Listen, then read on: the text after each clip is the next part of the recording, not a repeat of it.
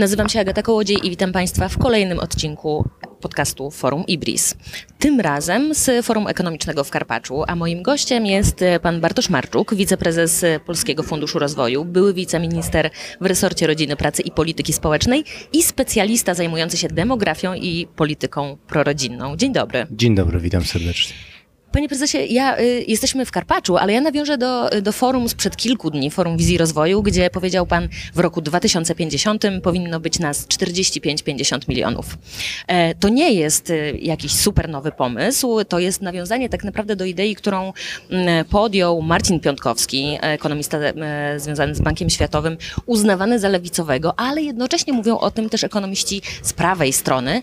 E, a ja zastanawiam się, po co? To znaczy, to oznaczałoby, 50 milionów Polaków oznaczałoby mm, podniesienie wielkości populacji e, aż o 60% w stosunku do prognoz, które mamy dzisiaj. Po co nam to? Jeśli mówimy też o etymologii tego, tego pomysłu, to tutaj zwracam uwagę na to, że podnosił to też publicznie Związek Przedsiębiorców i Pracodawców. Nawiązując do tego, o czym pani mówi, czyli że to nie jest tylko lewa strona, ale również też strona ta bardziej wolnościowa, Związek Przedsiębiorców i Pracodawców reprezentujących, e, to jest organizacja pracodawców, która e, zasiada w Radzie Dialogu Społecznego i reprezentuje głównie te małe i średnie przedsiębiorstwa i on na agendzie, czy w agendzie swojej ma w taką agendę właśnie demograficzną 2,50-50 milionów. Czyli mówię to dlatego, żeby uporządkować, że rzeczywiście jest tak, jak pani dokładnie mówi, czyli że o tym mówią E, e, dużo środowisk od lewa do, e, do prawa. Natomiast jeżeli pytanie po co, to wystarczy zrobić taką intelektualną wycieczkę po, czy wirtualną wycieczkę po świecie i zobaczyć, że no absolutnie te kraje, które są najbardziej liczne, są też najbardziej znaczące na każdym kontynencie, czyli no mówiąc o Stanach Zjednoczonych, Brazylii, Niemczech, Chinach, w Afryce jest nieco inaczej, bo wciąż jeszcze E, RPA, ale Nigeria e, tutaj rzeczywiście nadrabia, e, czyli dużo ludzi oznacza no, też silną pozycję międzynarodową, silną gospodarkę, no i od, od strony ekonomicznej oczywiście to, że zarówno tworzą się w takim społeczeństwie, które jest liczne i nie demograficznie stare, nowe idee, y, y, no jest szybszy wzrost gospodarczy, no i oczywiście nie ma tych obciążeń związanych, nadmiernych obciążeń związanych z obsługą świadczeń e, e, emerytalnych.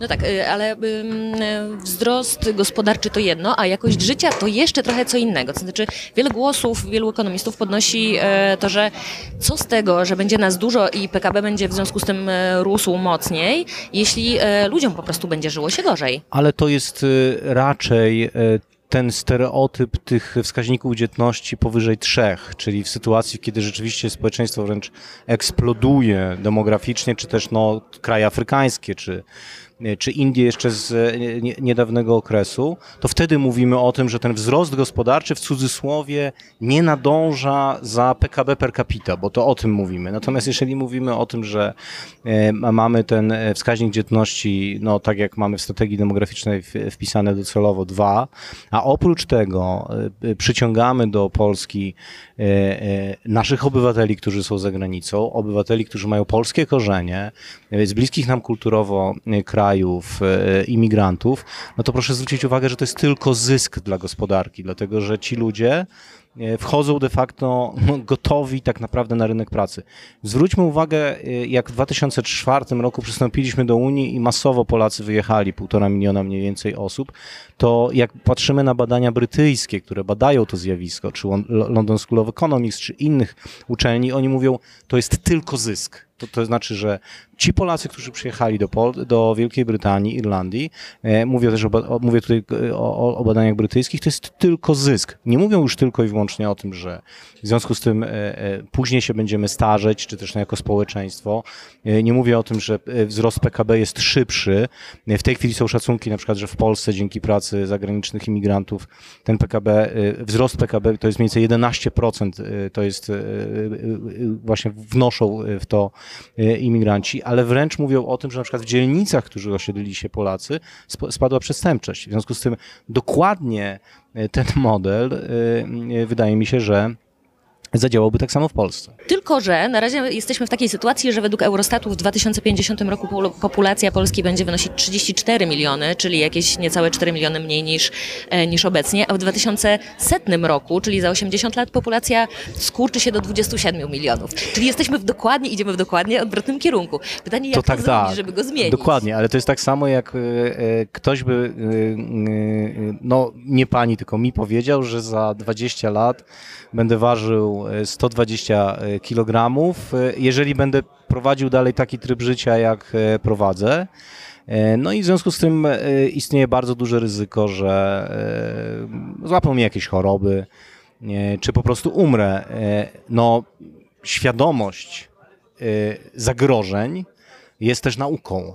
Tak, ale wymaga zdecydowanych i radykalnych kroków, żeby, Dokładnie. żeby do tego nie dopuścić. Wymaga e, rzeczywiście kroków, żeby do tego oczywiście nie dopuścić. W związku z tym prognozy mają to do siebie, że one bazują na pewnym obrazku, który jest tu i teraz, plus na historii. W demografii rzeczywiście bardzo trudno jest e, no, zmieniać te trendy w szybki sposób, więc mówimy raczej właśnie o 2050 roku, czyli o, o, za 30 lat e, o tym celu, ale warto sobie taki cel e, postawić po to chociażby, żeby właśnie ta żeby te, te prognozy się nie sprawdziły. Ja e, stawiam taką publicznie tezę, że powinniśmy mówić i zastanawiać się nad tym, co zrobić. Nie co zrobić, żeby nas nie ubywało, czyli żeby powiedzmy e, wciąż e, no tutaj nad Wisłą żyło w okolicach tych 38 milionów ludzi, tylko to, e, co robić, żeby nas przybywało i jeżeli taki ambitny cel sobie postawimy, to wydaje mi się, że właśnie E, też z perspektywy debaty publicznej, e, polityków, decydentów, ekspertów. Już toczy się na ten temat dyskusja i bardzo dobrze. E, no i, i możemy się zastanawiać, co zrobić. No właśnie, a co zrobić? Pytam o to dlatego, że jednak bardzo trudno jest, jedną nogą jest, są imigranci, o tym, o tym chwilę mówiliśmy, ale drugą jest dzietność, która w Polsce w latach w 80 roku wynosiła 2,27, a w 2018 roku 2,14, tak? I, I tak naprawdę od kilku lat, mimo że jest to bardzo ważnym punktem w strategii polskiej, żeby tę dzietność poprawiać, ona tak naprawdę niespecjalnie drgnęła. Znaczy wzrost był istotny, bo wzrost był z 1,28 wskaźnik dzietności na 1,45 między rokiem 2016 a 2018. To jest wzrost o 12% i to był no, taki też bezpośredni efekt programu 500. Plus. I on był widoczny rzeczywiście w 2017 roku i potem znowu stanęliśmy, to znaczy dalej tego wpływu już nie widać. No, jeżeli mówimy o, o, o dzisiaj, no to wiadomo, że czy o 2020 roku, to wiadomo, że COVID, no to nikt nie spodziewa się, że będą ludzie decydować się na potomstwo w sytuacji takiej gigantycznej niepewności. Natomiast na pewno jest tak, jeżeli pani pyta o to, co robić, to możemy powiedzieć sobie tak, trzeba robić wiele rzeczy naraz, trzeba robić e, e, i planować to bardzo długoterminowo i trzeba robić to konsekwentnie, czyli nie wycofywać się z raz podjętych y, narzędzi czy zobowiązań. To jest y, no, takie powiedzmy elementarz polityki na rzecz, y, na rzecz rodzin, czyli ponieważ tak naprawdę no, decyzja o posiadaniu potomstwa jest chyba naj, najpoważniejszą decyzją w życiu człowieka. Znaczy nawet można wyobrazić sobie, że ktoś wchodzi w związek małżeński i no jakoś to się nie udaje, ale z dzieckiem jest człowiek związany de facto emocjonalnie przez całe życie i w związku z tym rzeczywiście jest tak, że ta polityka no, musi dawać tym ludziom, którzy decydują się na taki krok, taką pewność, że ona nie będzie się zmieniać jak e, chorągiewka.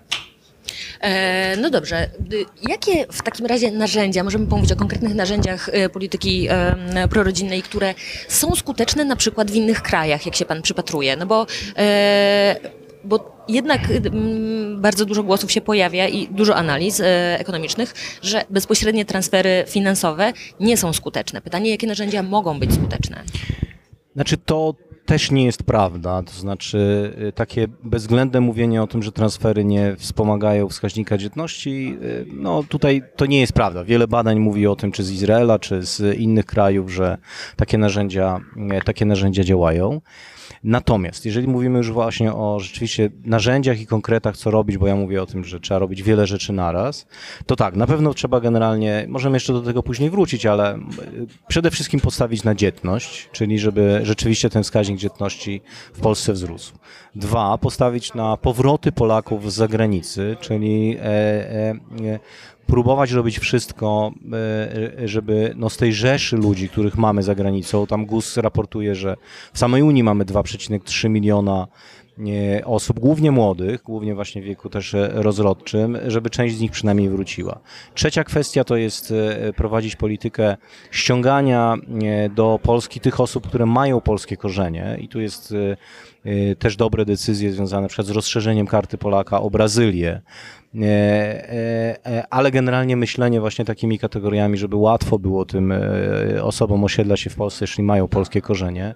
Czwarta rzecz to jest kwestia repatriacji, czyli tych osób, które no po prostu też mają polskie korzenie, ale chcą się do Polski repatriować. Tu nie ma wielkiego zasobu, mówmy się, demograficznego, ale, ale jakiś on jest. No i wreszcie kwestia imigracji. Oczywiście najlepiej, gdyby ta imigracja, no mamy wspaniałe doświadczenia z e, osobami tutaj ze wschodu, czyli głównie z e, Ukraińcami, jeżeli chodzi o nasz rynek e, pracy i najlepiej, żebyśmy myśleli o imigracji z, spośród tych krajów, które są nam bliskie kulturowo, czyli no wiadomo, że to wtedy powoduje, że łatwiej taką politykę imigracyjną się prowadzi. Ja zwracam uwagę na przykład na najnowsze dane Zakładu Ubezpieczeń Społecznych, że w tej chwili ponad 800 tysięcy ubezpieczonych w Polsce osób i to są już, no to są już rzędu 4-5% wszystkich ubezpieczonych, to są osoby z zagranicy, głównie właśnie z, z, za naszej wschodniej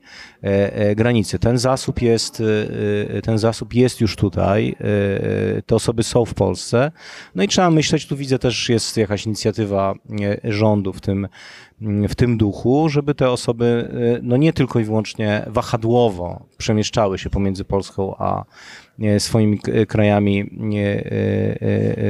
macierzystymi, ale żeby no, bo oni też to deklarują, też w badaniach NBP-u to tak, widzimy. To ch tego chcą, tylko na razie tak, przepisy im na to nie pozwalają. Tak, tak. Znaczy, no powiedzmy, że przepisy w jakiś sposób powodują, że coraz więcej jest tych pobytów w, w Polsce. To już jest blisko pół miliona rzesza osób. Natomiast rzeczywiście trzeba myśleć takimi kategoriami długofalowymi.